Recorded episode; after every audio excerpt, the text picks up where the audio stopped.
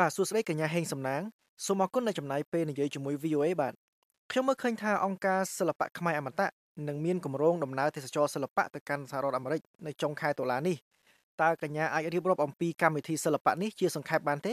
កម្មវិធីរបស់យើងនឹងមានឈ្មោះជាភាសាអង់គ្លេសគឺ Art for Peace Tour ហើយបើឈ្មោះជាភាសាខ្មែរយើងដាក់ថាសិល្បៈដើម្បីសន្តិភាពដែលយើងរៀបចំឡើងដោយអង្គការសិល្បៈខ្មែរអមតៈ Art for Peace Tour នឹងជា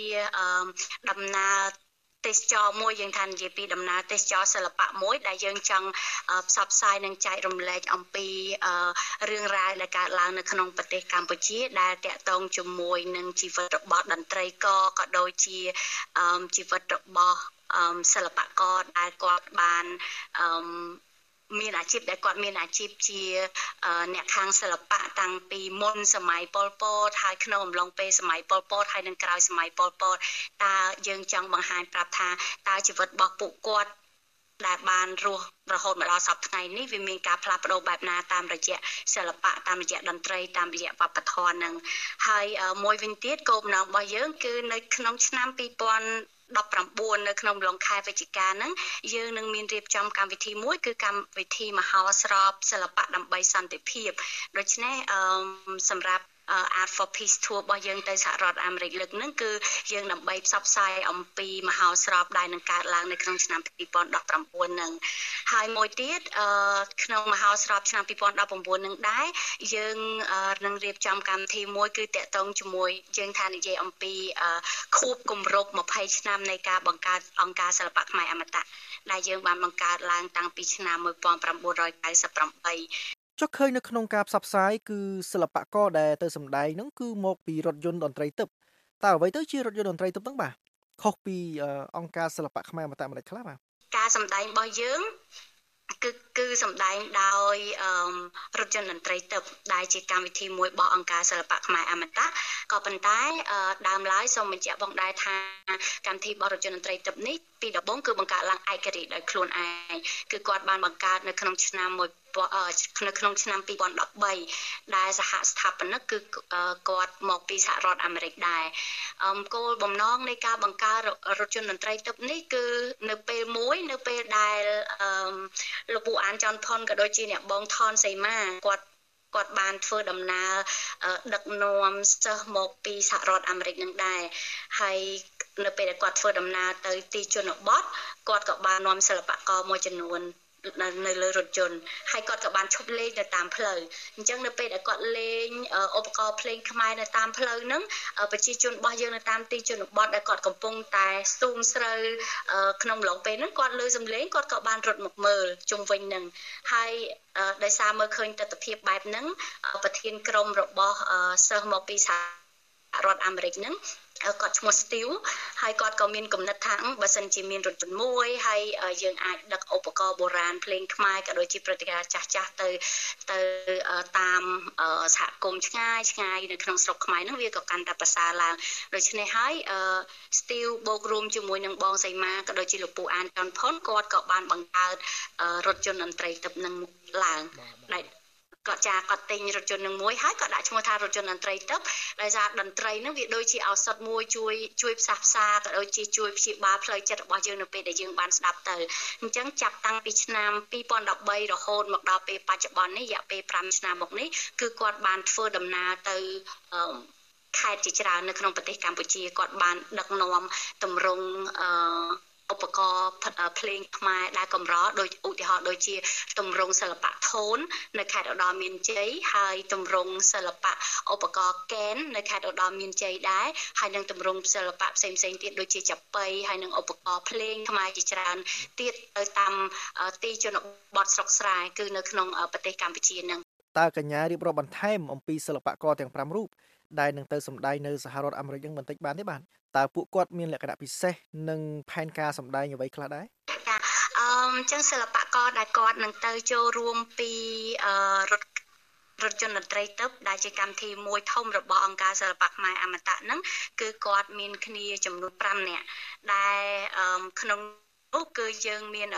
លោកពូអានចនផុនដែលជាស្ថាបនិកផ្ទាល់របស់អង្គការសិល្បៈខ្មែរអមតៈ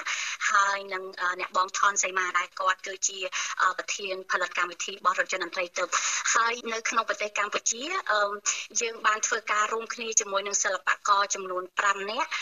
ដែលយើងចំណាយពេល3សប្តាហ៍ជាមួយគ្នាដើម្បីចងក្រងប្រមូលផ្ដុំក៏ដូចជាហាត់សមការសម្ដែងរបស់យើងហើយយើងការសម្ដែងរបស់យើងយើងមានឈ្មោះថា hard string ជាភាសាអង់គ្លេសហើយជាភាសាខ្មែរយើងមានឈ្មោះថាសំឡេងដួងចិត្តដែលសាច់រឿងនៃការសម្ដែងរបស់សំឡេងដួងចិត្តនេះគឺជាសាច់រឿងផ្ទាល់របស់ជីវិត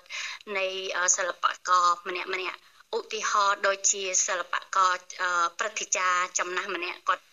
ឈ្មោះលោកតាម៉ាន់ម៉ែនគាត់បាន លើករឿងរ៉ាវយកមកសម្ដែងនៅក្នុងអឺ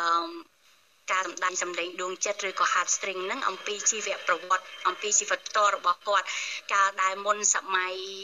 ប៉ុលពតគាត់ធ្លាប់មាន ក្រុមវងភ្លេងការបុរាណ ដល់ពេលក្នុងម្លងប៉ុលពតគាត់អត់អាចសម្ដែងតន្ត្រីរបស់គាត់នឹងបានទេ ហើយដល់ពេលក្រោយសម័យប៉ុលពតមកទៀតសំណាងល្អដែលគាត់មានជីវិតរស់នៅគាត់ក៏បានចាប់ផ្ដើមជីវិតរបស់គាត់សារជាថ្មីក្នុងការអឺ លេងតន្ត្រីហើយគាត់បានបង្កើតក្រុមរបស់គាត់សារជាថ្មីគឺតន្ត្រីភ្លេងការបុរាណហ្នឹងអាហ្នឹងគឺជាជីវិតមួយដែលគាត់បានយកទៅធ្វើបង្ហាញគាត់បានយកទៅដូចជានិទាននៅក្នុងការសម្ដែងនឹងនេះជាឧទាហរណ៍មួយ របស់តន្ត្រីករព្រឹទ្ធាចារ្យម៉ាន់ម៉ែនហើយផ្សេងផ្សេងទៀតដែររបស់តន្ត្រីករមួយចំនួននៅក្នុងការសម្ដែងរបស់យើងទាំង5រូបហ្នឹងគឺគាត់មានសាច់រឿងផ្សេងផ្សេងគ្នាដែលផ្សារភ្ជាប់ជីវិតរបស់គាត់និងការផ្លាស់ប្ដូរជីវិតរបស់គាត់តាមរយៈតន្ត្រីនឹង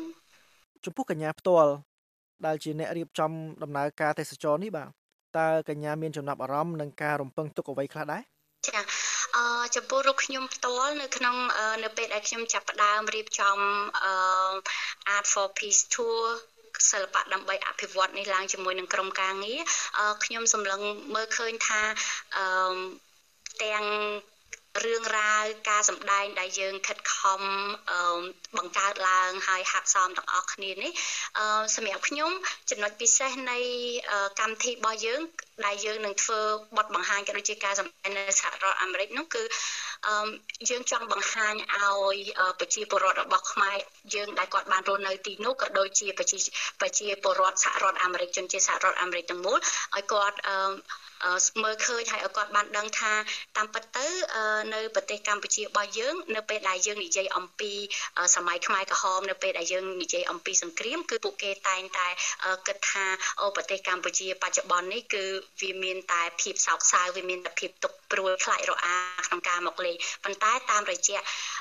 តន្ត្រីដែលយើងនឹងពំនាំទៅឲ្យនេះយើងចង់ យើងចង់បង្ហាញថាប្រទេសកម្ពុជាយើងទោះបីជាយើងធ្លាប់ឆ្លងកាត់សង្គ្រាមទោះបីជាយើងធ្លាប់ឆ្លងកាត់ភាពសោកសៅក៏ដោយប៉ុន្តែក្នុងបច្ចុប្បន្ននេះគឺតាមរយៈតន្ត្រីតាមរយៈសិល្បៈនិងវប្បធម៌ប្រទេសកម្ពុជាបានផ្លាស់ប្ដូរមុខមាត់ជាថ្មីគឺយើងបានកសាងសន្តិភាពមួយទាំងសន្តិភាពជាពិសេសគឺសន្តិភាពផ្លូវចិត្តតែម្ដងគឺតាមរយៈតន្ត្រីគឺឲ្យពួកគាត់មើលឃើញអំពីការរីកចម្រើនហើយនិងសន្តិភាពផ្លូវចិត្តតាមរយៈតន្ត្រីតាមរយៈសិល្បៈដែលយើងកំពុងតែព្យាយាមធ្វើឡើងព្យាយាមដុសខាត់ហើយក៏ជាចំណែកមួយក្នុងការចូលរួមអភិវឌ្ឍប្រទេសកម្ពុជាផងដែរនេះជាលក្ខណៈពិសេសដែលខ្ញុំមើលឃើញគឺយើងយើងព្យាយាមពំនាំនៅអ្វីដែលជាផលវិជ្ជមាន ដែលយើងកំពុងតែធ្វើការងារបច្ចុប្បន្នជាជាងផលអវិជ្ជមានដែលវាបង្កឡើងពីសោកនាដកម្មដែលយើងធ្លាប់ជួបប្រទះបាទសូមអរគុណកញ្ញាសំណាងសូមជូនពរឲ្យកញ្ញាទទួលបានជោគជ័យនិងធ្វើដំណើរមកកាន់សហរដ្ឋអាមេរិក ក្នុងពេលឆាប់ៗនេះប្រកបដោយសុវត្ថិភាពផងដែរបាទអរគុណច្រើនចា